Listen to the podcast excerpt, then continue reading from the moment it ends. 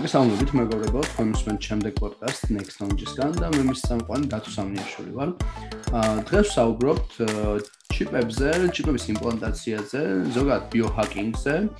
აა და იმაზე თუ როგორი იქნება მომავალი ამ ხრივ და არა მარტო ამ ხრივ, ხო, იმიტომ რომ ეს ისეთი თემაა, რაც აა ძალიან ბევრი სპეკულაციები მოყვა ზოგადად, არიან ადამიანები, რომლებიც ძალიან სკეპტიკული არიან ამ კუთხით განწყობილი, არის ძალიან ბევრი მითი, რაღაც ლეგენდა, თუ რა შეიძლება ამ ტექნოლოგიამ გამოიყენოს, ან რას აკეთებს ეს ტექნოლოგიები და ასე შემდეგ. თუმცა ამ ტექნოლოგიებს აქვს თავისი აა როლი, სპეციფიკური დანიშნულებაც და მომავალიც, რაც ყველაზე საინტერესოა, მომავალი, რომელიც ჯერ კიდევ ბოლომდე არ ვიცი ზუსტად როგორი იქნება, მაგრამ ბევრ საინტერესო და რაღაც ახალს გვპირდება. აა მოკლედ ამბები აღარ გამიგზელდეს, დღეს ვსაუბრობთ ზუსტად ამ თემაზე. და შევასწავლეთ გავიგოთ ხო რა არის ეს ყველაფერი რას ეხება ეს ჩიპები იმპლანტაცია რა არის და რა არის ზოგადად ეს ბიოჰაკინგი ხო?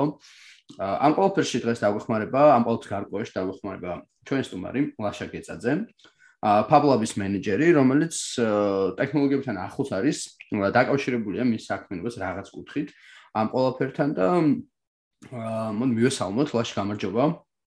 გამარჯობა მოგესალმებით ხო და აი თავში იმის თქმა მინდა რომ ამ თემაზე რომ მინდოდა გამეკეთებინა პოდკასტი სულ იყო ის რომ ცოტა გაჭირდა საქართველოსის ადამიანის პოვნა რომელიც ამ თემაზე კარგად ისაუბრებდა და ძალიან მიხარია რომ ესე ვთქვათ შენ დაგიკავშირდი და ნანდი მედი მაქვს რომ ძალიან საინტერესო საუბარი გამოგვივა.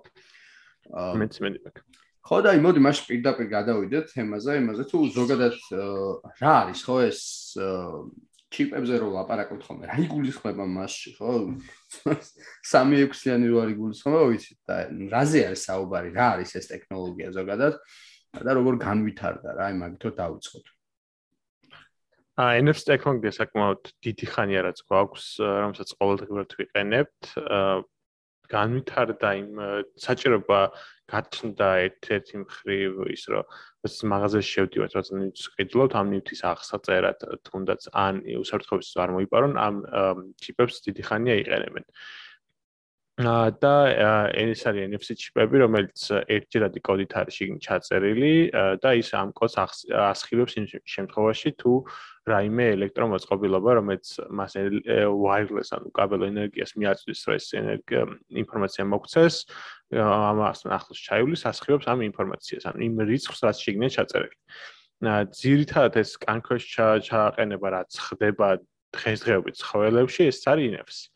აა დღეს არ უკვე საუბარი იმაზე, რომ NFC-დან გადავიდეთ RFID-ზე, რომ RFID არის უფრო ისეთი ტექნოლოგია, რომელიც გვაქვს პლასტიკურ ბარათებში, რომელზეც ინფორმაციის ჩაწერა და წაკითხვა ხდება ხშირად, ანუ ყოველ ჯერზე როცა რაღაცას ვიხდით, ეს ინფორმაცია ერთი რო ბანკში მიდის, მეორე ამ ბარათზეც არის ჩაწერილი.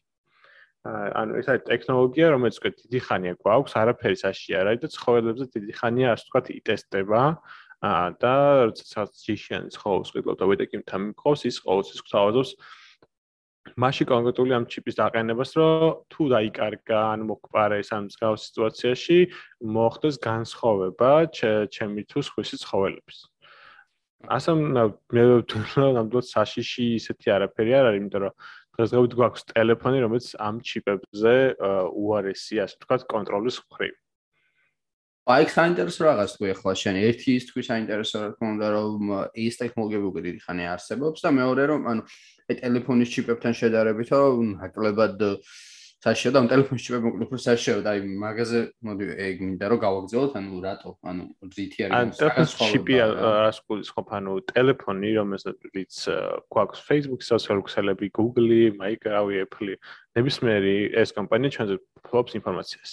აა ერთი ცალკე თემა, ცალკე დიდი თემა Apple-ის და Facebook-ის შხუბი იმაზე თუ რამდენი ინფორმაციის გამოყენება შეუძლია Facebook-ს, რამდენი ხელა დათას წაღება შეუძლია ამ ნებისმიერ iPhone-ის ტელეფონიდან, მაგრამ მეორე მხრივ, როცა ჩვენ Facebook-ზე შევდივართ და რეკლამას გვიგდებს, ეს რეკლამა ასე თუ ისე ჩემს ნუ ჩემზე გათვლი არ არის ხოლმე, არის ხოლმე გათვლი კონკრეტული ტარგეტირებით, ანუ ჩვენ ვართ ვიღაცის ტარგეტი, ანუ ტარგეტი ქართულად რო ვთქვათ, იმ სამიზნე ჯგუფში, ვისაც ეს რეკლამა მიუვიდეს.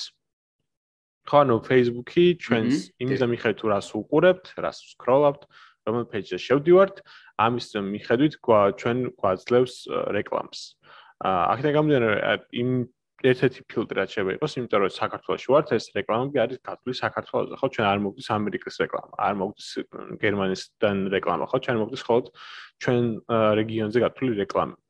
ანუ ამ ინფორმაციით თუნდაც ჩვენი იმეილის პაროლით არის შესაძლებელი, რომ ჩვენი ყველა ფოტო, ლოკაცია, კონტაქტები ადამიანმა სხვა მართოს. თუ ჩვენ მეილზე არ გვაქვს ჩვენი სრული უსაფრთხო კონტროლი, შეიძლება ძალიან მარტივად ვიყოთ ვიღაცის მიერ მართულები, რომ მათ შეიძლება ქონდეს ცდომა ჩვენს ყველა ფოტოს. ან მაგათად მე ჩემი ყველა ფოტომა Google accounts. იბმული და თუ ვინმე ჩემს მეილზე შევა, ასევე შეუძლია შევიდეს ჩემს Google ფოტოშიც. ხო, აქედან გამომდინარე ვფიქრობ, რომ ჩიპები ნამდვილად არ არის, რაზეც უნდა დღეს გეშინოდეს, უფრო ეს არის ის ინფორმაცია, რომელიც მეილზე გვაქვს შენახული. აჰა. ხო, ანუ რეალურად რაღაც ისრები ცოტა სხვა მხარეთაა მიმართული, ხო, რაღაც ეგრე გამოდის. რაღაც რაღაც მხრივ.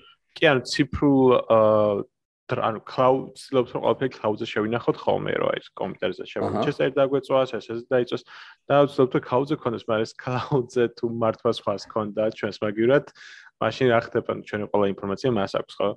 აა ცოტა უფრო რთული თემაა. აა და აი აქედან აუს ჩვენ ელფაბად გავუშვებოდა ესეთი შეკითხვა ამ სასმო ისმენდა ახლა რომ აა მაგალითად აი რა განსხვავება იმ ჩიპ შორის სიტყვაზე რა ჩიპიც არის ჩემს smartphone-ში პირობითად და რა განსხვავება იმ ჩიპ შორის რომელიც შეიძლება ჩემს სკანში იყოს მაგალითად როგორც აქვს ჩვენეთში და ნუ აი სხვა შორის იან და საქართველოსი ჩემოდის ერთ-ერთ ჩვედურ კომპანიას შემოაქვს ეს და 50000 ჩიპი შემოაქვს ესეთი. აგაზე მე ცოტა მეც ვისაუბროთ და აი ხო აი ესეთ უფრო აი მარტივ ენაზე რა შეგვიძლია აი ორი სიტყვით რო ვთქვა რა განსხვავებაა რა. აა კაკო ჩიპებს აქ ბევრი საინტერესო კარგი დანიშნულება ასე ვთქვა. ერთი ვინც ასე ხშირად მაგალითად მოყავთ ხოლმე ეს რო ტელეფონის ამაღება არ დამჭირდება რომ გადავიხადო. მათ ჩემს ცოტა არასწორია მიმართულება, მაგრამ ასევე არავინ არ არის დაწვეული რამე შემთხვევისგან და თუ რაიმე დაგვემართა იმის რომ ექიმ ჩვენი ინფორმაცია სისხლში უფიან ამ მსგავს იცოდეს რომ რამე არასწორად მედიკამენტი არ მოგცენ თუ ალერგიული ვართ საჭირო მათ ქონდეთ ჩვენზე ინფორმაცია. ხშირად თუ არ გვაქვს პირადობის მოწმობა ან რამე საიდენტიფიკაციო კოდი რომელთაც ჩვენს ვინდა სამეცნობენ უბედურ შემთხვევის დროს მათ რამე უწევს რაც ექსპერიმენტები ჩატარება ადამიანს. მსგავს ჩიპები, რომელზეც იქნებოდა ID ბარათი ჩაწერილი, რომელიც მათ დაეხმარებათ რა ორ წამში გაიგონ ამ ადამიანის სისხლის ჯგუფი, რა მედიკამენტები აქვს მიღებული, აქვს თუ რამე დანიშნული ისეთი რომელზეც ალერგია შეიძლება კონდეს და ასე შემდეგ. მსგავს ინფორმაციები შეიძლება იყოს ჩაწერილი. და ეს ბევრ რამეს გაადვილებს მეორე როცა კი წავალთ მაგათაც სად მანუ როცა უკვე ეს ჩიპი იქნება პიროვნებას პრიფუნლი არც პლასტიკური ბარათი დაგჭირება რომელსაც ვაჩვენებ და შეადარებენ ჩვენ სახეს ფოტოს პირდაპირ იქნება შესაძლებელი დავასკანეროთ ეს ჩიპი ბარათის მაგივრად და ჩვენი იდენტიფიკაცია მოხდეს ხო და ნუ ანუ რაღაც მაგას ხრე პირველად სახსენო ნუ ამეჭება ადამიანის სიტყვის გადაარჩინოს კონკრეტულ მომენტში ხო რაღაც ზონაზე შეიძლება ეგ კი ჩვენ სამედიცინო ისტორია შეიძლება იყოს თლიან ჩატვირთული ამ ჩიპს აჰა აა ხო და აი სალამ გავაგზავნებდეთ მოკლედ რაღაც ისეთი ის ნამიშდა რომ აი აა თუ შეგვიძლია რომ ვისაუბროთ იმას საიდან გაჩნდა ვაფშე ეს ტექნოლოგიები? რა აი მარტო ის ტექნოლოგიები რაზეც ზოგს რო ეშინე რა ადამიანის იმას შეგვიყვანეთ რაღაცა. ეს ჩიპები ზოგადად აი როგორ გაჩნდა და როგორ ისტორია აქვს საერთოდ შეგვიძლია მაგაზე ვისაუბროთ აა ჩიპები გაჩნდა სწორედ ექსპერიმენტებით უკვე მიკავს ჩიპებს და შეიქმნა და რადიოვალცემები შეიქმნა მაშინ უკვე იყო საუბარი მსგავს ტექნოლოგიების შექმნაზე. გაჩნდა საჭიროება ძირითადად მაღაზიებში როდესაც პროდუქციის დაცვა იყო საჭირო კონტროლი თუ რა გადიოდა ობიექტიდან ასევე ხშირად იყენებენ პროდუქციის ახსოწერად დიდ კომპანიებში, როდესაც სახე თვალით აღარ უწევთ კითხვა თუ რა აწერია და რა დევს, პიტაპ ჩიპს და ასკანერებენ და იციან ეს პროდუქცია არის თუ არა ადგილზე. და უკვე ზვირიანიან მსგავს ტექნოლოგიას იყენებდნენ ნახატებში დასამალად, თუ მოიპარავდნენ რომ ჩიპით ამოეცნოთ ეს ნახატი. ამიტომ საკმაოდ ძვირად ხერებული ნივთზე საკმაოდ რთულია თუნდაც ყოველ წუთას ექსპერტის გამძახება, როდესაც გაგდამალული მასში ტექნოლოგია, რომელიც არავინ არ იცის, რომ თუმცა შეიძლება განაცხაო ის ნამდვილია თუ არა, ნამდვილად ეხმარებოდა სამართალ დამცავებელს და ასე თქვა საჭირო იყო ეს ტექნოლოგია. ნენელა დაიწყო ექსპერიმენტები იმაზე თუ რა არის ის მასალები, რომელთა შეგვიძლია რომ კანქვე შევინახოთ ეს ჩიპი სხვა სხვა დანიშნულებით, თუნდაც იმიტომ რომ ადამიანები გამოსხავთ ერთმანეთისგან და აქ უკვე წავიდა ექსპერიმენტები თუ მასალებზე უკვე რა საჭირო იქნება საჭირო ისეთი მასალა რომელიც შეიძლება კანქვეში მოვთოს იმიტომ რომ ადამიანის ორგანიზმი საკმაოდ საინტერესო ბიოორგანიზმია რომელსაც აა ბევრი რაღაცის თვით განკურნება შეუძლია და არის რაღაცები, რასაც არ იღებს ორგანიზმი და შეიძლება პირიქით ინფექცია შეგვიჭრას ნებისმიერ რაღაც ნივთის ან რაღაც ჭრილობის ხო? აქედან გამომდინარე ეხლა ამ წუთას ჯერ კიდე კითხვის ნიშნის ქვეშ არის შეუძლიათ ვარ ეს ჩიპი ყველამ ჩაიყენოს კანკოში და შეიძლება ამ ნივთიერებას იმითაც არის დამზადებული გარე მასალა რაც ჩიპს იცავს რომ არ დაზიანდეს სითხისგან, სისხლისგან არის საკმაოდ ექსპერიმენტალური ასე თუ ის. მე სიმართლე გითხრას, დიდი ხანია მინდა რომ რამე მსგავსი კანქვე შემოწყობილობა მქონდეს, თუმცა მაგნიტის ჩადება მინდა თითში. აა მაგნიტი საკმაოდ საინტერესოა, იმიტომ რომ ბიოჰაკერები იყენებენ რაც ელექტრონული მაგნიტური ველის გასატესტად ან დენი მოდის თუ არა კაბელში, ასევე იმის განსასაზღვროს მეტალია თუ არა ნებისმიერ ნივთი რომელიც გვიჭირავს. საინტერესოა, იმიტომ რომ ადამიანს ძალიან ბევრი სენსორი აქვს, რომელიც მაგრამ ვერ გვგზნობს ელექტრომაგნიტურობას. და ამისთვის გადაწყვეტილება თითში ჩაეყენებინათ პატარა მაგნიტი, რომელთაც იგზავნენ, მაგრამ აღმოჩნდა რომ ეს მასალა, რომელთაც შეიძლება ეს მაგნიტი დაეფარა, საკმაოდ რთული მოსაძებნია. იმიტომ რომ ბევრი სხვა სხვა ლითონის მოთავსება პირდაპირ არ შეიძლება, იმიტომ რომ ა სისხლი უარყოფს და ავტომატურად ანტიგენებს გამოყოფს და ინფექცია წარმოიქმნება. მოუწიეთ ოქროთი დაფარვა, სპილენძით ცადეს, მას აბოლოთ მაინც პოლიმერზე მივიდგა საქმე, რომელიც ამ ყველა მეტალის ზევიდან არის კიდე ერთი ფენა, რომელთაც არის დაფარული მაგნიტი.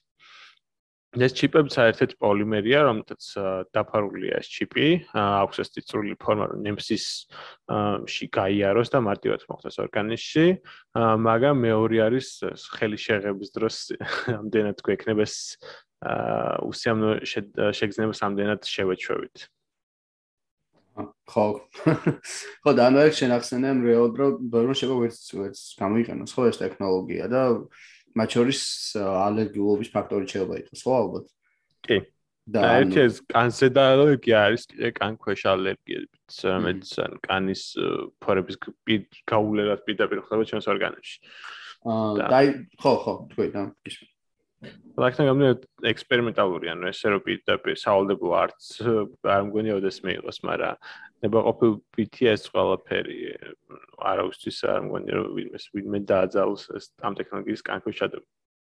აა თუმცა აი ვიღაც სკეპტიკოს ახლა შეიძლება გაუშვეს ეს მომენტი რომ აა გასკებეო ძალიან თარა მაგრამ მე ვიღაც ვარ სიტყვა და ეს მინდა რომ გავიკეთო მაგრამ რამდენად დაცულიო შეიძლება არ ვიცოდე რომ ამაზე ალერგია მაქვს აი ამის განსაზღვრა იქნება ეს შეძლებელი შენი აზრით რომ აა რა თქმა უნდა უამრავი ტესტი მოიფიქრეს კოვიდის ტესტი გვაქვს რომელიც ანტიგენს და ტესტი რომელიც 30 წუთში გვეუბნება პასუხს ყველაფერის გატესტვა შეიძლება.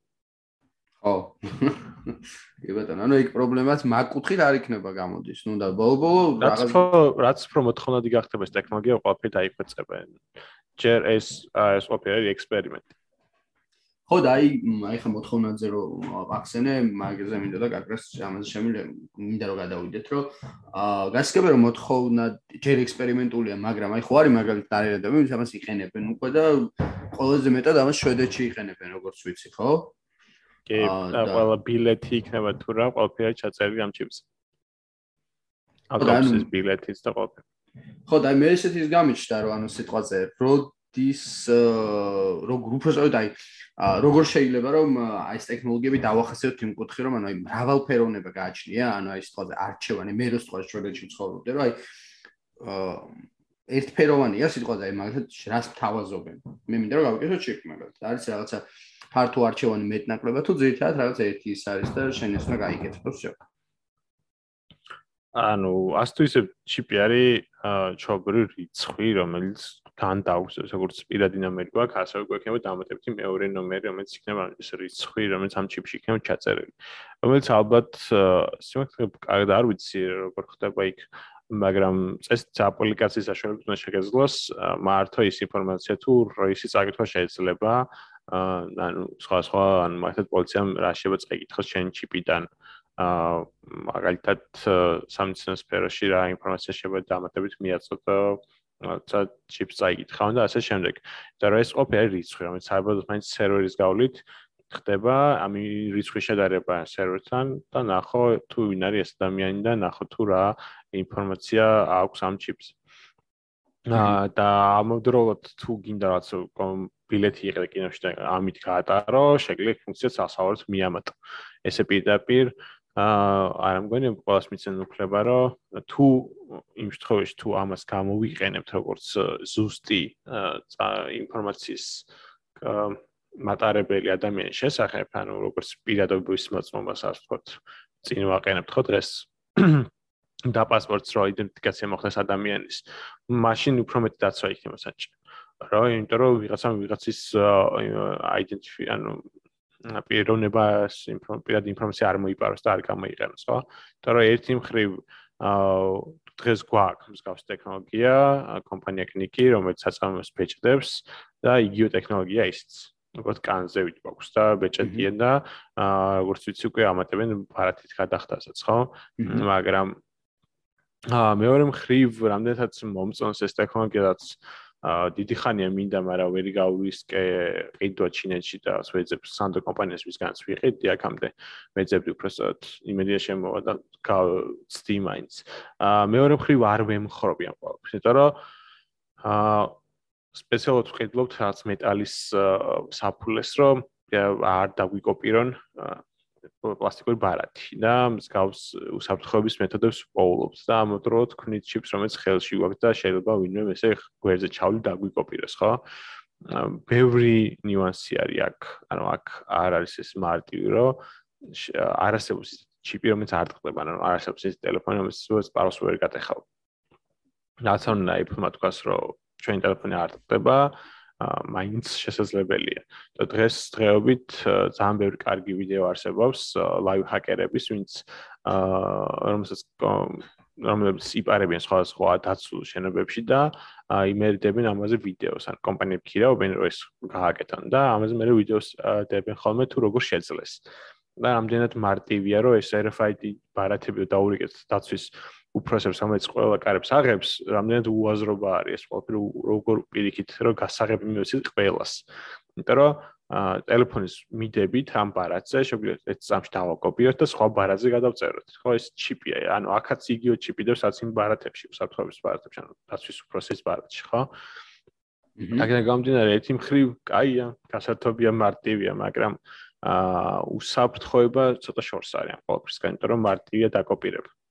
აა ხო და აი ეხლა გამიჩნდა ეგეთ შეკითხვა რომ ოკეი გასაგებია რომ დაკოპირება მარტივია მაგრამ რა განსხვავება იქნება იმას შორის რომ სიტყვაზე? ჩემს ბარათს გატეხავენ თუ ამას გატეხავენ? ანუ დეურ დონეზე რა განსხვავება იქნება? ანუ გარდა იმისა რომ ის ჩემს ორგანიზმშია მაგრამ მე იმას ხო არ ნიშნავს რომ ეხლა მე რობოტად მაგცევენ და რაღაც ხელობის რაღაც ზომბივით მოძრაობას დავიწყებ და ასე შემდეგ. აა მე ცოტა შორიდან დავიწყებ ანტივაქსერების ვიდეოს უყურებდი და ასევე flat flat earth community-ს არსებობს რომელსაც რომელსაც ჯერათ რა დედამწაფრთხელია ა მათი მთავარი იდი მის საიდანაც ამ ყველაფერის ინფორმაცია მოვაუთ ხოლმე რომ ეს დედამწაფრთხელი და გვატყუებენ ეს თეორიები რაც მოდის.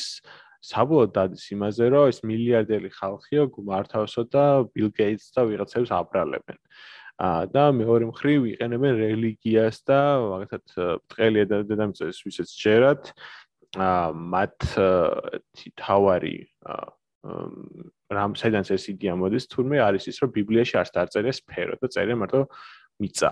და თვლიან რომ მე ადრე მიწა წერია ის ბრწყელი უნდა იყოს. მიუხედავად იმისა რომ ეს მიწის მცნება და სფეროს მცნება ჩვენ ადამიანებმა ასე ვთქვათ მივიღეთ და დავთქვით და არავის არ უთქვამს რომ სფერო მაინც ამას სფეროს ნიშნავს, ხო?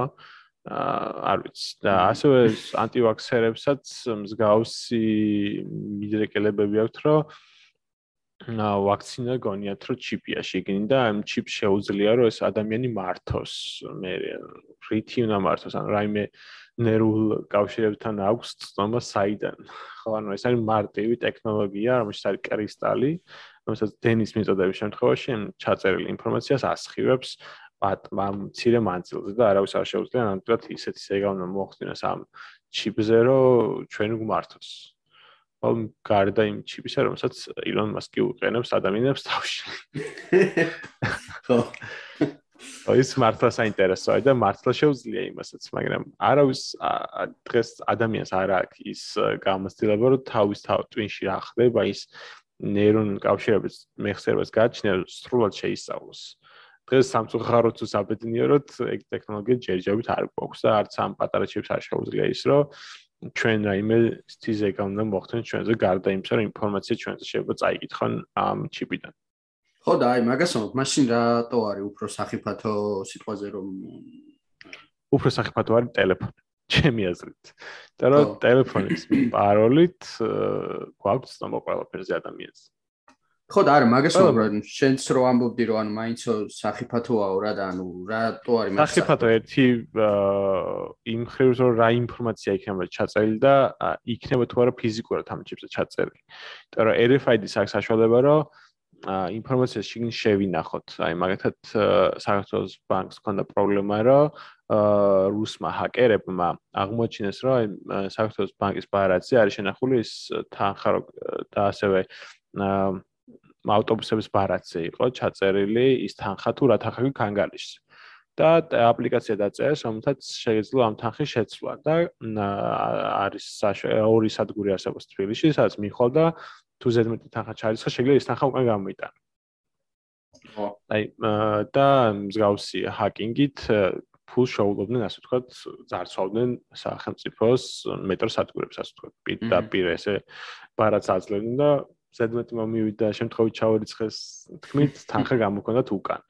აა იგივე სიტუაცია აქვს, ანუ აქ რაც ამ ჩიპზე შეიძლება ჩაიწეროს, შეიძლება იყოს წაკითხვადი. ანუ არა პირდაპირ ეს ადამიანი არის SSD-ს, ხო, რაც კოდი იქნება, რომელიც შეესაბამება რაღაც ბაზის მიხედვით რაღაც ინფორმაციას, ხო? იმ ბაზა თუ არ იყო დაცული აა რომ 2008 წელს მოხდა ჩვენ სახელმწიფოს დომის დროს მოხდა პირადი მონაცემების მოპარვაც ასევე სახელმწიფოდან, იუსტიციის სამინისტროდან, აქნა გამდინარე რთულია. აა დღევანდელ სიტუაციაში ძალიან რთულია აა დაცვა ამ ინფორმაციის.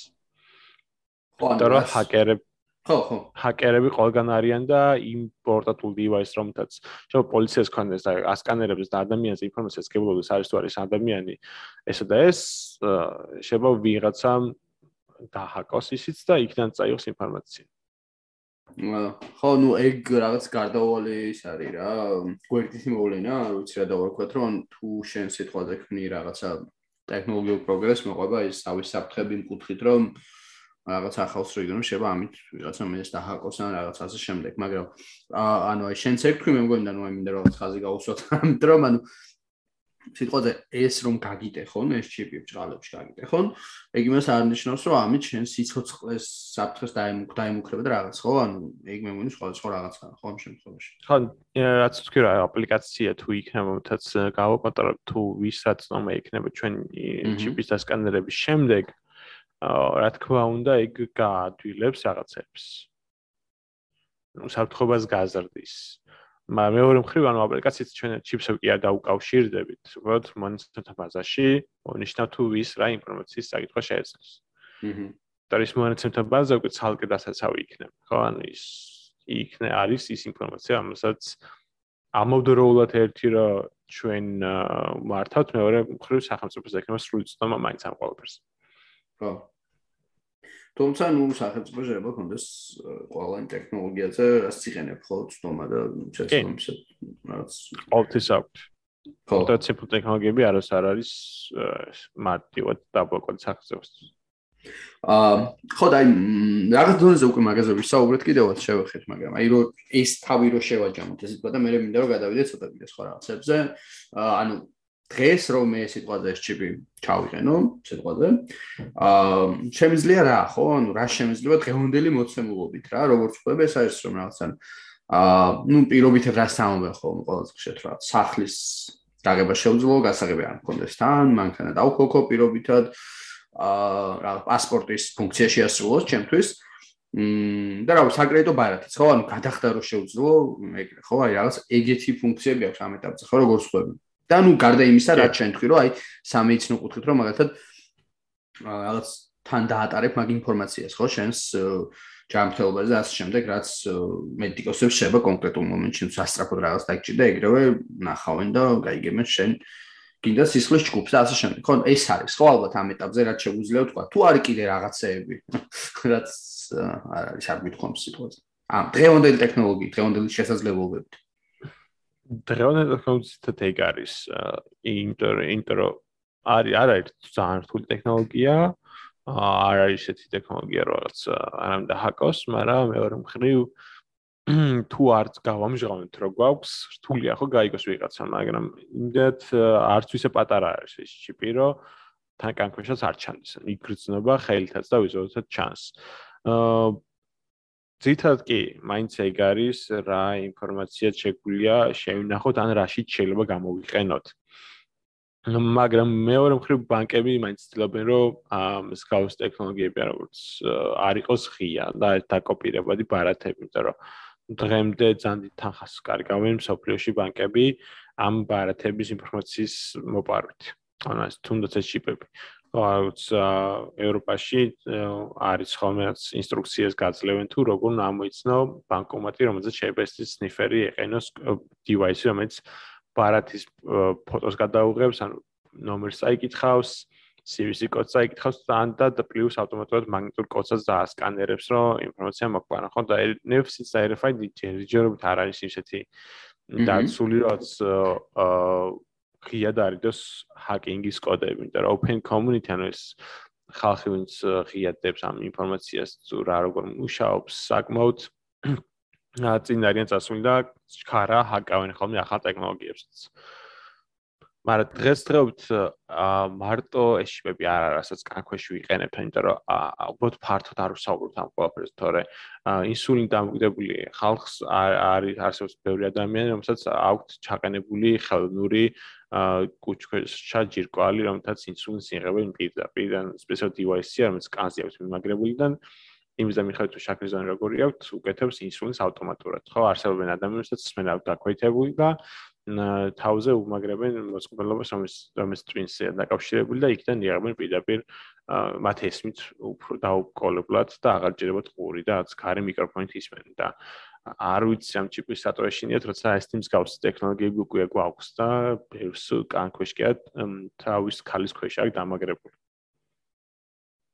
ო და ანუ ესე იგი ეს მომენტი რომ მოკლედ ამოვწუროთ იმის ამენ კიდე რა ანუ სიტყვაზე თუ ვიღაცა შეუძლია დაასკანეროს ეს ხო გამიერა გვერდით და რაღაც დისტანციით დისტანციიდან მოახერხა ამ დასკო. იგივე პრინციპით ხო შეუძლია დასკანეროს ჩემ მობილური ჩიპი და ბარათის და ასე შემდეგ ხო? ნუ მობილური არ არის ეგეთი მარტივ დასკანერები. აა უფრო რთულია მობილური ამ შემთხვევაში?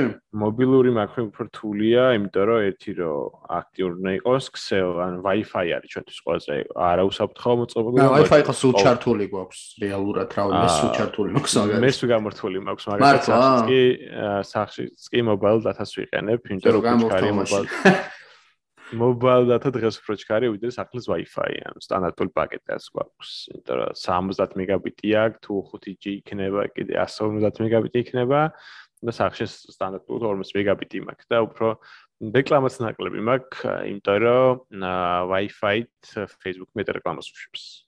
და ასევე YouTube. ხომ, ინტერნეტი ხომ მაინც ჩართული გაქვს სიტყვაზე ქუჩაში რომ მოძრაობ, თუ არ გაქვს ჩართული? აა, კი, მაგრამ Wi-Fi აა Wi-Fi სხვა რამეა. Wi-Fi შეიძლება ვიღაცამ შენი Wi-Fi-ც კი გაგიტეხოს. და რომ მქონია შემთხვევა, რომ ვიღაცა აა წერდა ღადაობებს დაუბლოკე და დაიწყო ჩემს Wi-Fi-ზე ეთექი. აა და მომწია ყოველთვის გადაყენება ახალი როუტერის ყიდვა და ასე შემდეგ. ანუ Wi-Fi არის ძალიან ცუდი device ასე ვთქვათ, იმიტომ რომ გვერდზე მიდის Raspberry Pi და ESP32 და რომელიც არის Wi-Fi-ის ემულატორები, რომელთაც შემიძლია დავასკანერო ყველა გვერდით არსებული device-ი და წავი, ასე ვთქვათ, უსმინო რას აკეთებენ. და ან mobile data სიტყვაზე რომელიც chain internet-ი როგორ ჩართული ამ შემთხვევაში ბევრად დაცული ხარ მაგას გულისხმობ, ხო? კი, ინტერნეტ ტელეფონში შემოღწევა ეგეთ მარტივი არა, ერთი რომ USB-ით უნდა შეხვიდე USB კაბელით, ან უნდა შეხვიდე Wi-Fi-ით, ხო? და ერთ-ერთი ძველი თეორია იყო რომ Bluetooth იქნება და საშუალებით ამ ტელეფონს დაჰაკავდე, მაგრამ ეგრე არ არის. ხო, არა, მომენტ ახლა ისეთი ამბავია, რომ ქუჩაში რომ მოძრაობ, სახლის Wi-Fi და ორი მოძრაობ მობილურთან, შენ მობილურის ინტერნეტი გაქვს ჩართული, ხო? ან მობილ და გაქვს და არა, შეიძლება შეიძლება შეგეგნოს შენ სახლის Wi-Fi-ზე ზიხარ.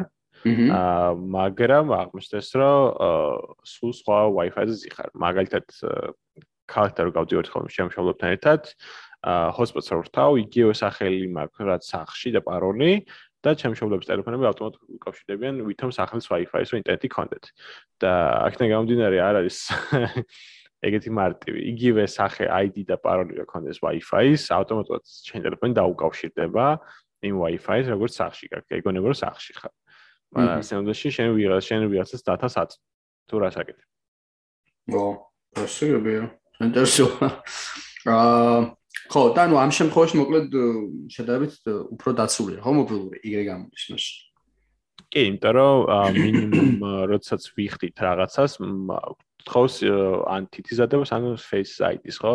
აა თუ რამს გადახდა გვინდა, ანუ გადახდები, თუ პაროლს არ დაადებ, არ არც კი აქტიურდება, ანუ თუ თუმცა Apple Pay იქნება თუ Google Pay.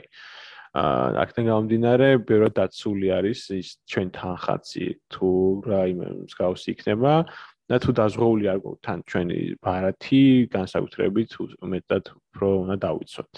იმიტომ რომ დაზღვე თუ დაზღვე გააქტიურებულ, მაგრამ საკმაოდ არც თუ ისე წლიურად კაი თანხაც გამოდის.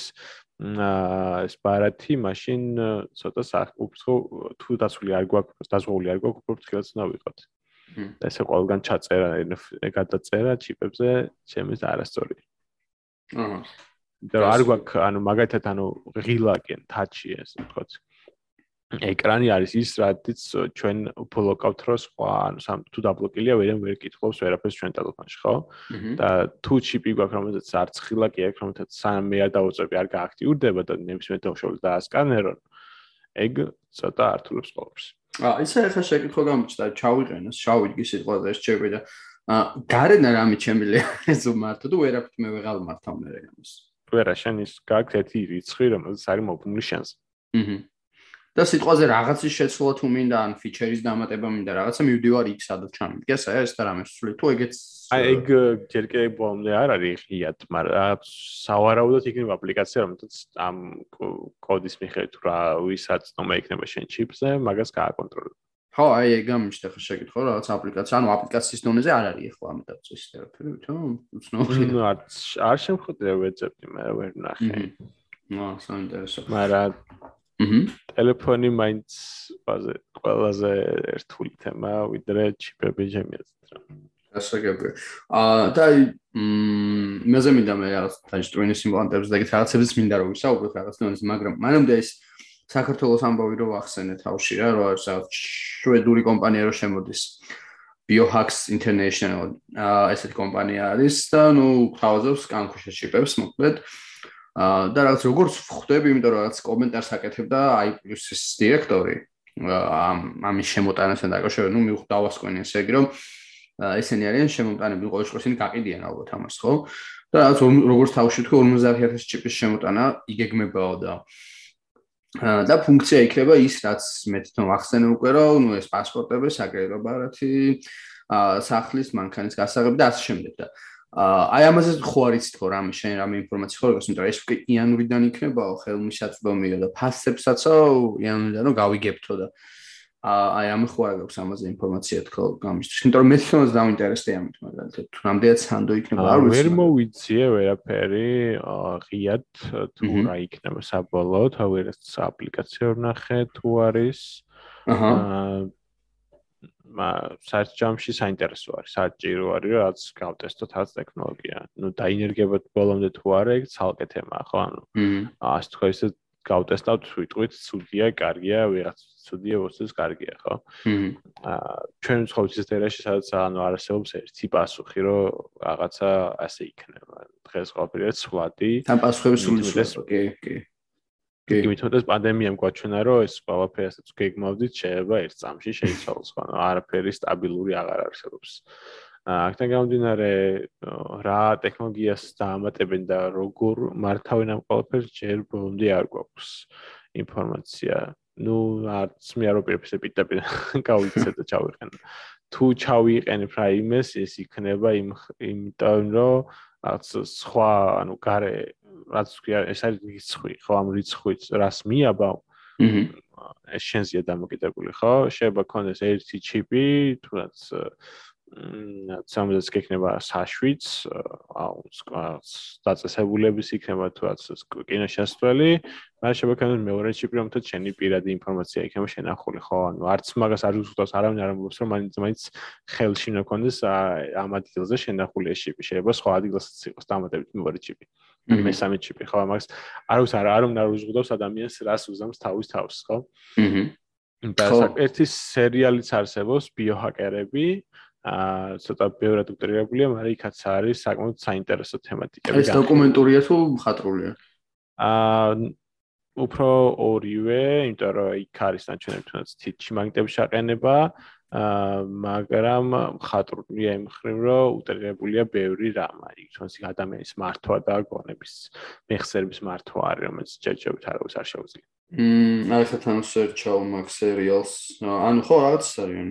ჩვეულებრივ ხატრული სერიალია როგორც ვთქვი, ხო Biohackers 2020-ში გამოსულა.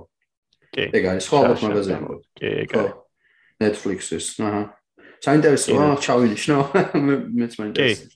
ძალიან კარგია, მაგ ხრივ თავგან რეალისტური ჰაკები არის თუნდაც აა მაგნიტების აყენება, ხელოვნური კულტურის ჯირკვალი და ასე შემდეგ. ასევე არის მწვანე თაგვები, ფოსფორიანი თაგვები და ასე შემდეგ. მაგრამ მეორე მხრივ არის იმ საფრთხეებზე საუბარი თუ რამდენად რამდენი რამე შეიძლება ჩავიდოთ კანქვეშ და ორგანიზმში რამდენი რამე შეიძლება შეუშვათ და რამდენი არ შეუშვათ მაგაზეც არის. კარგი აქცენტები გაკეთებული. ვა, ნახავ ჩვენ.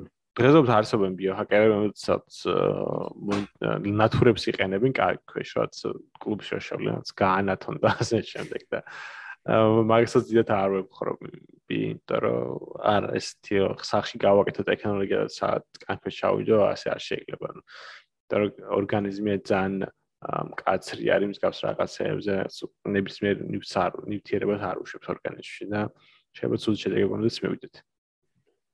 ხო.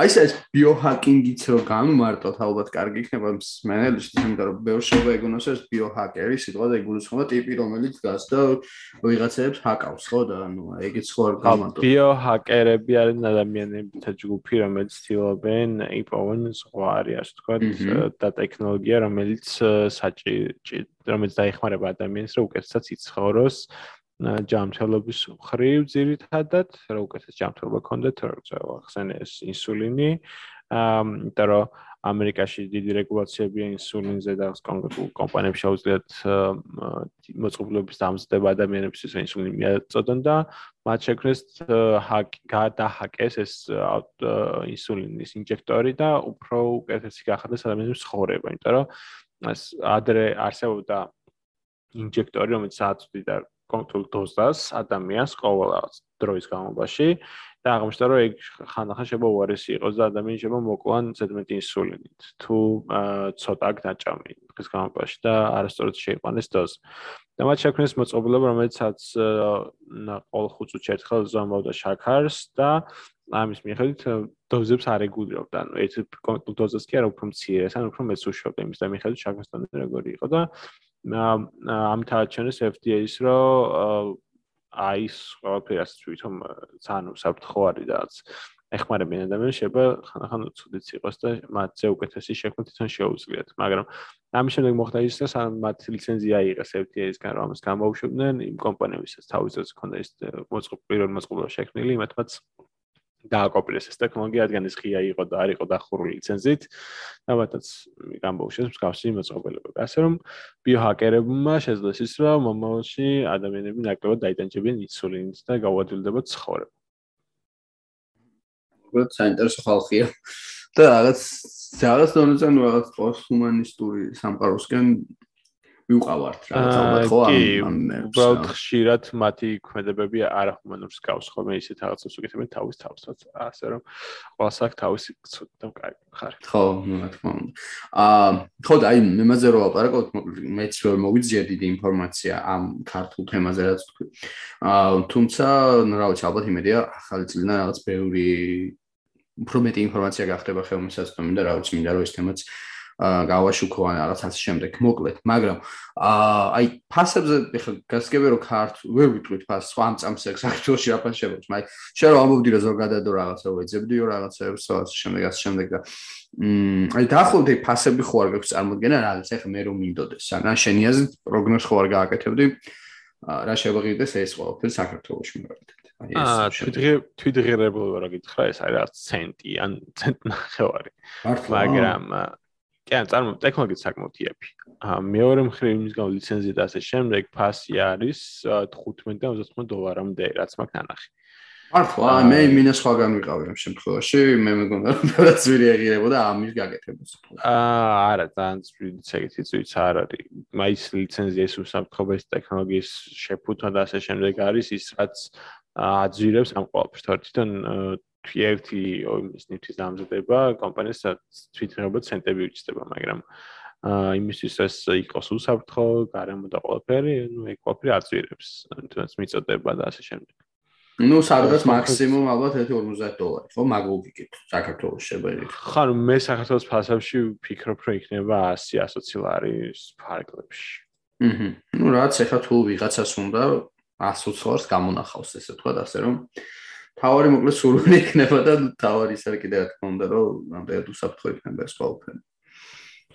ანუ არის შემთხვევები რომ უწევთ ხოლმე ამოღება რაც ეგ არ არის გამორიცხული ადამიანის მოუწევს ამით ამოღება არ არის ეს არც არ იქნება პრობლემა ხო? აუც რა პრობლემა. არის პატარა ოპერაცია, არის პატარა ჭრილობა იქნება, შრამი დარჩება სამახსოვრად. ხო, ნუ არა უშვის. აა ხო და ეხლა უცებ ესეთი რაღაც ესეთ შეკითხვა გამიჩნდა უცებ რომ წარმოვიდგინე რომ აი ეგ მაქვს თეფსთან ცერათით ცოტა ქვემოთ ეს ჩებიდა ა ხელთ რო ეხები რაც მე ვნახე აქ ვიდეოები რაღაცები ამას გრძნობ რა და შენ დაჟე ამბობი რომ ჩანს კიდევაც. ხო რაღაც პუნქტში გამოჩდება კიდევაც და ა რამდენად სტაბილური შეიძლება იყოს ეს? ანუ იმ ხელში მაგალითად ვიღაცა მოგიჭირა ხელი ღირობითა და შემოვიდ დაგიზია ან ეგ ეგ ადგილი არ არის ყველა არჩეული იმიტომ ეგ მათ არის ძალიან დიდი რაოდენობით ცხიმი და კონტროლი მასაც აი ძალიან ზედმეტი არც რა უნდა მოხდეს რომ ეს დაზიანდეს. იმიტომ რომ არც ის არ არის რბილი მასალა რომ გადაიღოს და გატყოს ხო ეს მყარი არის და არც ისე დიდი არ არის. აი თან გამდა მის დაზიანება საკმაოდ რთულია და ომს გატყდეს იქ შიგნი არაფერი არ არის სპილენზის მართული ომის იზოლირებულია და ჩიპი ამის ისაც ეპოქსიჩი ანუ ამ მასალაში არის. არაფერს არ აფუჭებს ეგ დაზიანდება არ იმუშავებს ოპერაციის პატარა ქირურგიული ოპერაციით ამოიღებენ და იქნება. აჰა აჰა დასაგებია ა ხო რაღაც ისეთი ამბავია რა რეალურად რა. ხო ვიღაცებს ვისაც ეს იდეები ძალიან აინტერესებთ კიდეც ეს პოსტჰუმანისტური სამყარო აინტერესებთ, ბევრმა შევა მაგიტომაც ჩაიდგას ეს ჩიპი, ვიდრე ის რომ აი ხვალ მაგალითად ამით ეხა ცხოვრება საგზნობოდ გაუმჯობესდეს, ხო რაღაც შევა ვიღაცებისთვის სიმბოლური აქტიც იყოს. აუც მე რო ვფიქრობ, შევა ეგეთ რაღაცებიც იყოს, უბრალოდ. ну თუ დარწმუნდები რა თქმა უნდა რომ უსაფრთხოა ეს ყველაფერი. აა ხო და ეხლა რა ამებს კი ვისაუბრეთ, ეხლა ეს აი მასკი რო ახსენე რა, მინდა რომ ამასაც შევეხოთ რაღაც დონეზე რა. აა მასკი და მისი იმპლანტები და ეს ნეურალინკი და მთელი ამბები და აა აი დღესაც იყო რაღაც ერთი ახალი ნიუს დაიდო ესეთი რომ აა პარალიზის მქონე ადამიანმა მაგალითად ფიქრით მოახერხა ის რომ ტვიტერზე დაპოსტა რაღაცა გამარჯობა სამყარო hello world ესეთი რაღაც დაპოსტა. ხო და ნუ არა მარტო ეს ესეთი რაღაცები ხშირად არის ხოლმე რომ ანუ ამ ეტაპზე ზოგადად მას მომბო დახვეწეს ტექნოლოგია თორე აა მსგავსი ყავდა გენია სტივენ ჰოკინგსი, რომელმაც შეძლო პარაზებულ პარაზებულმა ცხოვრება და აღმოჩენა რაღაცას და ნობელის პრემიას მიიღო პარაზების დროს. აქედან გამომდინარე, უბრალოდ ილონ მასკის კლუბს ეს ყველაფერი იყოს უფრო მარტივი, არ აქ არნიშნავს იმას, რომ ადამიანს ყველაფერი შეუძლია, მანაც ჩაიდგეს ეს ჩიპი იმისთვის, რომ ესე გონებით მართოს რაღაცეები. უბრალოდ ძალიან ბევრი ადამიანი, რომელსაც აწუხებს მსგავსი პრობლემებით ან კიდურს კარგავთ ან ამ მსგავსი პრობლემების მე შეიძლება შეგვიქმნას და ამ ჩიპის დახმარებით ერთ-ერთი რაც აადვილებს ეს არის რომ გარე ანუ პროსტატ ანუ ასე ვთქვათ აქვე ქართულად აა რობოხელებით თუ რაც შეიძლება დაგვრჩიდეს მომავალში ამის მართვა შეძლო ეგზოჩონჩზე ამბობთ ეგზოჩონჩზე აა ეგზოჩონჩზე არა მე ვგულისხმობ თუ ამპუტაციის შემთხვევაში თუ აა ხელი მინდა რომ კი კი ხელოვნური ისტავა ხელოვნური ხელი კონდეს. ეს ამ ხელს საკმაოდ რთულია რაც მართვა მივანიჭოთ. ცდილობენ ხოლმე ნერვები სამც გვაქვს ორგანიზმში ის გამიყენ ხოლმე მაგრამ მას კითხავს რომ ეს ნერვებიდან კი არ პირდაპირ ტვინდა მოდეს ეს ინფორმაცია და ადამიანს შეძლოს თავის კიდურის თუ ქვედა ტანის თუ რაც იქნება ამის მართვა უფრო მარტივად შეძლოს და ყოველგვარი ზედმეტი წვალების გარეშე. ანუ ტექნოლოგია საინტერესოა, აა ბევრ რამე შეცვლის, როგორც ნახე აი მაიმუზ ექსპერიმენტი, რომელსაც კარგული ქონდა ქვედა კიდურების მართვა, შეძლეს და დააკავშირეს უკაბელოდ ორი ჩიპი, რომელთაც ტვინიდან იღებდა იმპულსებს და მართავდა კიდურებს და ისწავლა სიარული თავიდან. იმიტომ რომ ტვინს შეუძლია ადაპტაცია, იმიტომ რომ ბევრი ვიცით ადამიანები, ვინც თავიდან ისწავლეს ცხოვრება და სიარული. ხო, ერთი როდესაც ტვინი კარგავს სისხლის მიწოდებას, შევა შოკი განიცადოს, მაგრამ შეგვიძლია თავიდან ვასწავლოთ ყველაფერს. ანუ ეს ტექნოლოგია ამ ყველაფერს ცდილობს მას კი უბრალოდ აა ხშირად თვითონაც უტრირებს ხოლმე რომ ეს Facebook-ზე დაუპოსტავთ პირდაპირ ტვინით, იმიტომ რომ ამით შეძლოს დაფინანსების მოპოვება, იმიტომ რომ დაფინანსებას ეწევს, ანუ ეს არ არის მას ძალიან ფული აქვს ესე პირდაპირ და кеში და იმას იხდის და უხდის ამ ადამიანებს ხო? ისიც გრანტებით და სხვა სხვა ტიპის შემოსავლით მუშაობს. აა კი კი და ნუ ზოგადად მაგს ეგეც უყარს რაღაცების ცოტა გაზვიადება და ნუ მოვლენებისთვის წინ გასწრებას უყარს ხოლმე და ნუ რა სულ რაღაცა ძანულს ხოლმე და ნუ იმედია ძალიან სახელს არ გაიფუჭებს მაგით მაგრამ ნუ მე სამგეოდ ბევრ რაღაცა საკეთებს რაც გამოსდის და ეგეც ის არის ხოლმე რა. ხო და ანუ აი ნეუროლინგზე რო საუბრობთ ანუ შენ აა როგორ წარმოგიდგენი ანუ აი პროგნოზებით რომ გავაკეთოთ თუ არ შესაძლებელი საერთოდ ამ თემის პროგნოზი გაკეთება ანუ რამდენად შეუძლია ან რამდენხან შეიძლება ნეუროლინკი რაღაცა ისეთი პროდუქტი დაგვიდოს, რომ აი თქვათ, რომ შო აი რაღაც უკვე შემოგთავაზე ისეთი განსხვავებული საქამდე სხვები ვერ გთავაზობენ. ან შეიძლება სხვები არიან და სხვები შემოგთავაზე. რამე ისეთ გარღვევას თუ უნდა ველოდოთ, მოკლედ ახლო მომავალში, ინაც ცოტა შორეულ მომავალში ამ კუთხით, ან როგორ წარმოგიდგენია.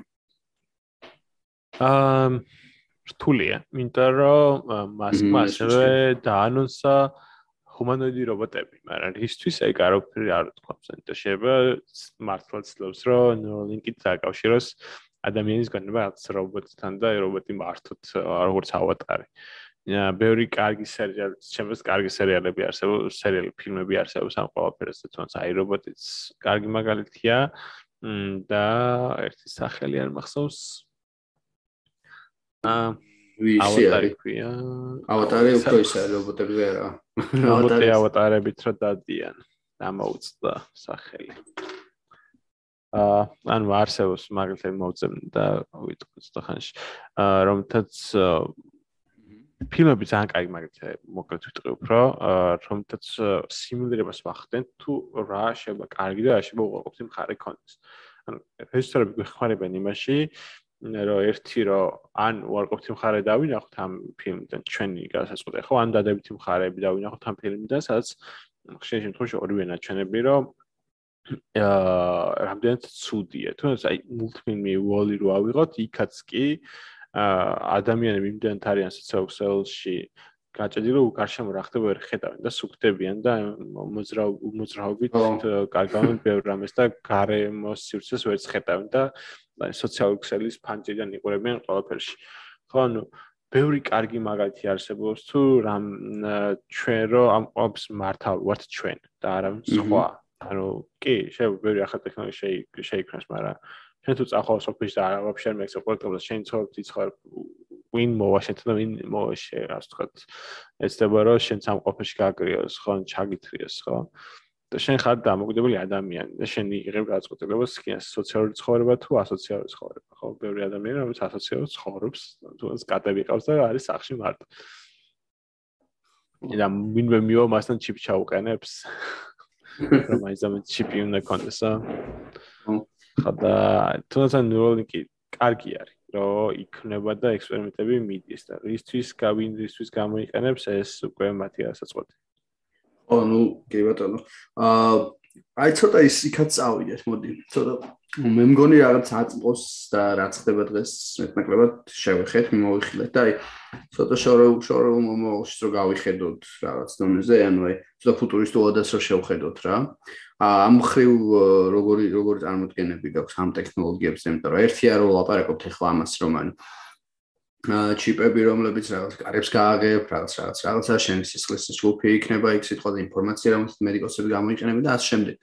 აა მეორეა ის რომ პარალიზებულმა ადამიანმა სიტყვაზე შეძლოს რაღაცა ინფორმაციის გადმოცემა სხვისთვის, აა თოკინგიც ახსენე და ასე შემდეგ და მეორეა რომ რაღაცა ადამიანები რაღაც უფრო დავიბუსტოთ ხო ესე თქვა ცოტა უფრო რაღაცა ზიარსებებად ვიქცეთ და რაღაც სულ პოსტჰუმანისტურ სამყაროში გადავიდეთ, ხო? რაც, ну, ბევრისთვის ესეთი ტექნოლოგიები დღეს რაღაც დაჟე იდეოლოგიურ დონეზედაც არის ხოლმე ბევრს, ანუ მიაჩნიათ, რომ ამ ტექნოლოგიები ეს არის საწყისი და ამ ტექნოლოგიებმა უნდა შეცვალონ არა მარტო ჩვენი ყოველდღიურობა, არამედ თავად ჩვენ უნდა შეგვცვალონ, ხო, რაღაც დონეზე, როგორც სახეობა და ვიქცეთ რაღაც ახალ სახეობად, რომელიც უფრო, რა ვიცი, განვითარებული იქნება როგორც ფიზიკურ დონეზე, შეიძლება გონებრივ შეძლებლობებით ბევრი მეტი კონდეს, ხო და ნუ რა ვიცი, მას უკვე ახალი გამოწვევები და ახალი პრობლემები ექნება, ხო, როგორც Homo erectus-ი მაგალითად აა ვერ გაიაზრებდა ყოველ შემთხვევაში არ დაფიქსდებოდა ის პრობლემა, რაც ჩვენ გვაქვს სიტყვაზე, შეიძლება მომავალში იყოს ისეთი არსება. შევქმნათ ისეთი არსება ჩვენივე ტექნოლოგიებით, რომელიც ისეთ რაღაცებზე იფიქრებს ჩვენ ამზამს როგორც ვფიქრობთ და ჩვენი პრობლემა მის აღარ იქნება პრობლემა და ასე შემდეგ მოკლედ აი ამ ტექნოლოგიებს ამ კუთხით როგორ უყურებ? რამდენად რამდენად ფიქრობ რომ ამ ტექნოლოგიებს აქვს ამის პოტენციალი და საერთოდ როგორ უყურებ ასეთ სამყაროს? რა აი აი ხო. მოკლედ რა გითხრა სამსახურში ყავს 4 ჰუმანოიდი რობოტი. სამი ნაუდ ერთი პეპერი პეპერი შეიძლება ნანახიც ყავდეს რომ გეიმ ლაბს კი არა ჯევლაპსაც ყავს და ასე შემდეგ. და ასე ყავს ნაო, რომელიც დადის, ანუ ფეხები აქვს, ჩაობრი ჰუმანოიდი რობოტია, რომელსაც ბავშვებს ვასწავლით, თუ როგორ შეიძლება დააპროგრამოს გავსი რობოტები. ნუ არც თუ ისე შორი წარს მომავალი არის ეს ყველაფერი, რომ ეს შეუძლოთ რომ ასები მართოთ. ანუ ამისთვის ქნითაც სათამაშო რობოტებს რომ ბავშვებს ვაწვდით, რომ მათ შეძლონ ეს ყველაფერი. არ მეორე მხრივ ვცდილობთ რა AI შევქნათ რომ რაც რაღაც გაწოლები ჩვენს მაგივრად მიიღოს რობოტმა ხო? რაც prediction-ი გააკეთოს ანუ გამოიცნოს ანუ მაგათად ადამიანის ასაკი რომ იმის მიხედვით შეარჩიოს სიტყვები და ასე შემდეგ ხო? აქედან გამომდინარე ამას უკვე ვქნით არც ისე შორს არის ეს ყველაფერი. თავარია სწორად გამოვიყენოთ თორე ტექნოლოგიას ნელ-ნელა ექსპერიმენტებით თამაშით თუ მსგავსი სელბები თქვნით თუნდაც ანიმაციურად ფილმებში და თუნდაც რეალურად. ანუ არ არის ის რომ აა ძალიან რთული არის მაგრამ არც მარტივი არ არის ერთ-ერთი დიდი გამოწვევა რაც გვაქვს ეს არის ელემენტი. იმიტომ რომ რაც არ უნდა რობოტი შევქმნათ ის დენის წყაროს garaშე არ მუშაობს. და ეს რობოტებს რო გვეშინია გვეშინია ჯერჯერობით ტყუილად, მაგრამ მომავალში თუ შევქმნით ისეთი ელემენტი, რომელთაც რობას მიუცემთ აა სრულ ავტონომიას და ელემენტს, რომელიც არასდროს არ დაჭდება, თქო უნდა ცოტა შეიძლება საფრთხეც იყოს. აა მაგრამ დღეს აა ამ ყველაფერს ბევრი კარგი დანიშნულებაც აქვს.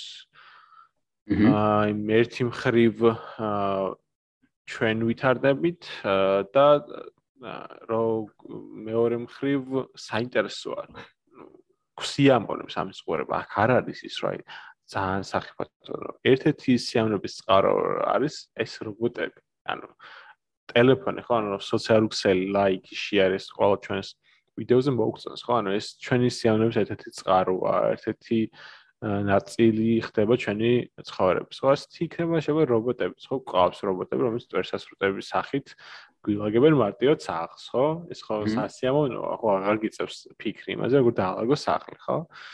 მე ასევე თითეული ავტოპილოტიანი მანქანაც რობოტია, იმიტომ რომ ის მას ის იღებს გადაწყვეტილება საით გაუხვიოს, საით გამოუხვიოს და თან როგორ დაგვიცვას გარემო პირობებისგან. და ამოდროულად იმის მაგალითად რა ხა ჩვენ ვასწავლოთ ჩვენს მოსწავლეებს თუ როგორ აწიან, ესა როგორ გამოჩარხონ ხელით რაც დურგალ დურგალმა როგორ როგორ ჩარხავს რაღაცას, ვასწავლეთ დანადგარებს, რომ ეს პროგრამულად როგორ შექმნა ეს ყველაფერი, ხო? ანუ ადრე თუ ჩვენ ფიზიკურად გვიწევდა რაღაცების კეთება ხარხნებში, დღეს უფრო ეს ყველაფერი გადავიდეთ ციფრულ ხარეს. ანუ ამ ყველაფერს რობოტების საშუალებით ვაკეთებთ და შედეგს ვიღებთ უფრო სწრაფადაც. და ადამიანის გონებრივი დატვირთულობით და არა რობოტის გონებრივი დატვირთულობით. რობოტის ფიზიკურ მხარეს ვიყენებთ. აა თუნდაც ჩერნობილი რო ვიღოთ, იქაც რობოტებით შეძლეს რაღაცების ჩაქრობა, რეაქტორის ჩაქრობა, ხო? კი ბატონო. იტალია ბევრი რობოტი გაუფუძნათ, იმიტომ რომ არასწორად ეს ის დონე უთხრეს იაპონელებსაც, გერმანელებსაც, რუსებმა, მაგრამ საბოლოოდ ხო ეს ამას ჩვენთვის კომუნიკ ანუ ერთი მხრივ კი იაპონიის ცალკე ხა არის ახალი პრობლემა ის რომ ეს რეცეპშენში არსებული ან მიმიღებში არსებული რობოტი ჰუმანიტ რობოტების სერვისი უფრო ძვირი უჯდებათ და რემონტი და პროგრამირება ვიდრე ადამიანის აიქეონ და დასვან ისე ვიქ.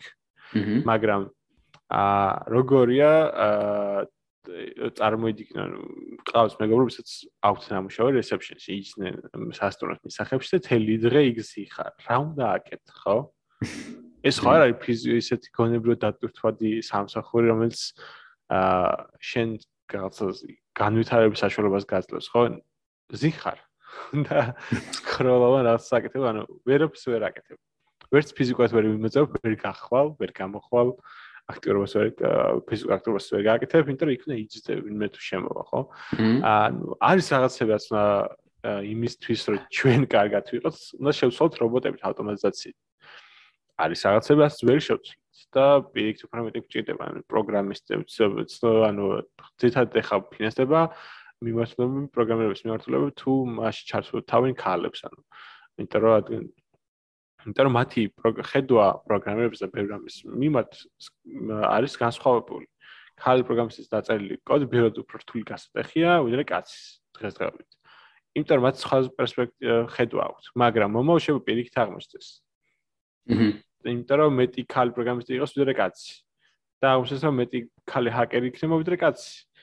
აქედან გამომდინარე აა ყველაფერი საჭირო. უნდა ვისწავლოთ ყველამ. თავარი დღეს გვაქვს განათლება, რომელსაც ცოტა ცუდი დამოკიდებულებით უყურებთ.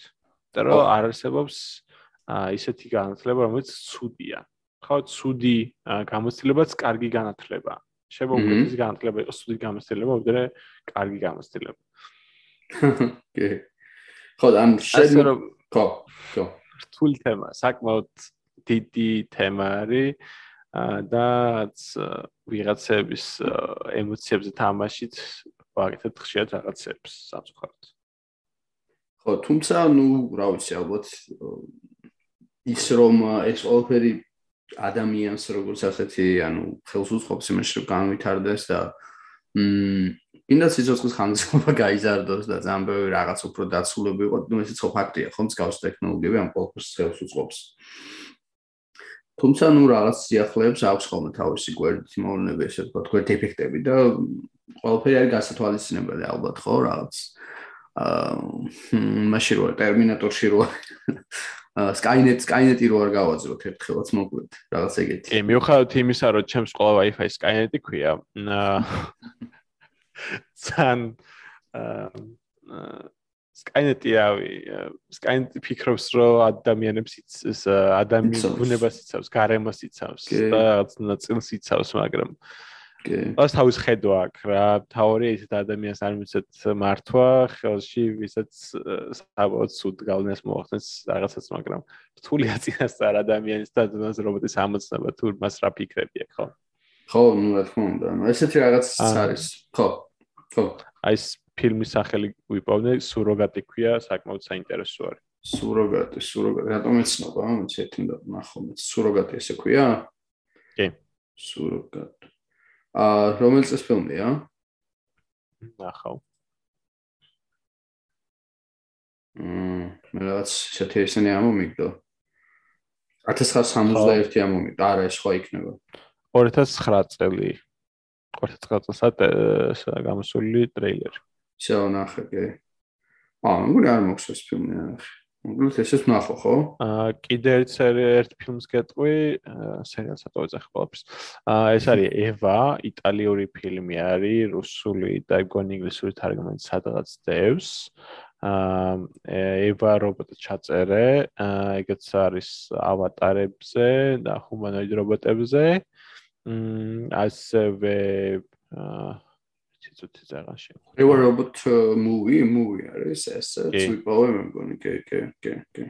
გოგო არის პატარა და რობოტი. 2011 წლის ესეთი ფილმი. მე მგონი. აა ცოტა რთულია რუსული ან ინგლისური თარგმანი სანაცნო იყოს, თორე იტალიურად არის ფილმი, თუ არ ვწდები ან ეს. ო არა, იტალიურად.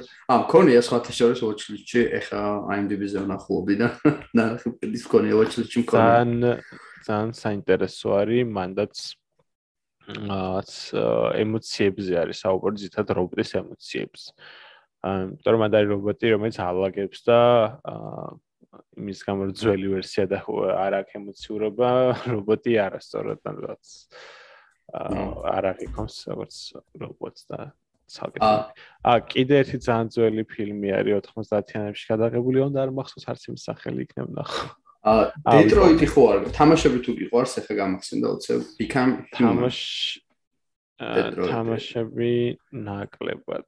აი ანუ აი ეგ შემიძლია თამაში თუ არ თამაშობ ხო მაგრამ აი რა ვიცი მსმენელს თუ ვინმეს არ აქვს ეს თამაში ნათამაშები და სახში კონსოლი აქვს თან ზოგადად თამაშები ვიყავთ. აი ამ თემაზე რა ვიცი ალბათ საუკეთესო თამაშია. მე ყოველ შემთხვევაში რაც მითამაშია და მე ზოგადად მიყვარს თამაშები და აი ესეთი რაღაც არის ეს სიუჟეტის რო თქვა ორი სიტყვით რა ხდება არის ესეთი ამბავი მოკლედ რომ აა ინტერაქციული თამაშია მოკლედ რა ანუ აი ეს არავე ერთ ხაზს მიყვები ყოველ წამ სულში რაღაც გადაწყვეტილებას იღებ ოფშენებია და ამ გადაწყვეტილებას რო იღებ ამის ხედვით ვითარდება სიუჟეტი მაგრამ ნუ რაც თავარია ხარ რობოტი რა ანუ ყველაფერი ეგრე იწყება რომ ალბათ სადღაც მოკლედ ჩდება ერთ-ერთ Android-ში რაღაცა ცნობიერი და აა ეს ტიპი ნელ-ნელა ცდილობს, ცდილობს, ცდილობს გამოერკვეს, გაერკვეს, მოკლედ საერთოდ როგორ გაუშვეს ცნობიერი, იმიტომ ყველაზე დიდი გაუცხოება რაზეც აქვს არა ადამიანებზე, არამედ თვითონ თავის თავზე აქვს, რომ საიდან გაუშვეს ცნობიერი და ძალიან კაი თამაშია რა. მე ნელ-ნელა ამ რობოტთან ერთად მოკლედ ვითარდები და რაღაც ვაფშე სხვა თვალით უყურებ, ვაფშე ჩვენ სამყაროს, ადამიანების სამყაროს რა. ახლა რთულია ზოგადად რთულია და შეუძლებელია რობოტის მხრიდან შევხედოთ ამ ყოველთვის რომ ადამიანები ვართ ეს ყოველთვის მაინც ჩვენი ფანტაზიის ნაწილია ხო მაგრამ აი ეს თამაშიც რაღაც ერთ-ერთი ის არის რა ძალიან ძალიან ისეთი კაი თამაშია რა გამახსენდა ახლა უცებ. მმ მე მგონი ნელ-ნელა შეგვიძლია ხო რაღაც დასასრულისგან წავიდეთ და რა ვიცი თუ რამე გაქვს შენ დასამატებანი რაღაც თემა შეგვიძლია მაგასაც შევეხოთ თუ არა და ალბათ შეგვიძლია დავასრულოთ კიდევ ერთხელ დასამატებელი ისეთი არაფერი ვთქვათ ჯობია გქონი ხანახან ჯობია უფრო ჩვენს გარემოზე ვიზრუნოთ ხოლმე ვიდრე გვეშინოდეს ახალ ტექნოლოგიების და ეს ახალ ტექნოლოგიები პირიქით გარემოზე საზრუნოდ გამოვყენოთ. აჰა. ვიდრე ვებწოდეთ ამ რაღაც ახალ ტექნოლოგიებს. ხო, და ნუ აი ეს მე მართალი გითხრა, მ ასე 3-6 ნორ საიდან მოდის ამ ჩიპებთან, კარგად არც ვიცი რატო რატო მოდის ეგ. შენ ხო არის? აა აა შიშტე გამახსენდა. აა რაღაც არის ხო როგორც ვიცი რომ ანუ რაღაც დაინომრებიან ადამიანები ალბათ და რაღაც დანომრებას დანომრილებ დიდი ხანი ისედაც ვართ ხო პირადობაზეც გასულ პირად ნომერიც გვაქვს ტელეფონის ნომერიც გვაქვს პლასტიკური ბატის ნომერიც გვაქვს პინ კოდიც და ასე შემდეგ. ხო მაგრამ როგორც ხვდები ყველა დანომრვას ესე ხვდებიან რა. მე რაღაცები უტრუხდებათ რა ნებისმიერი ნებისმიერი ციფრი სამყარო 0 და 1-ები ასე რომ დანომრილი არის.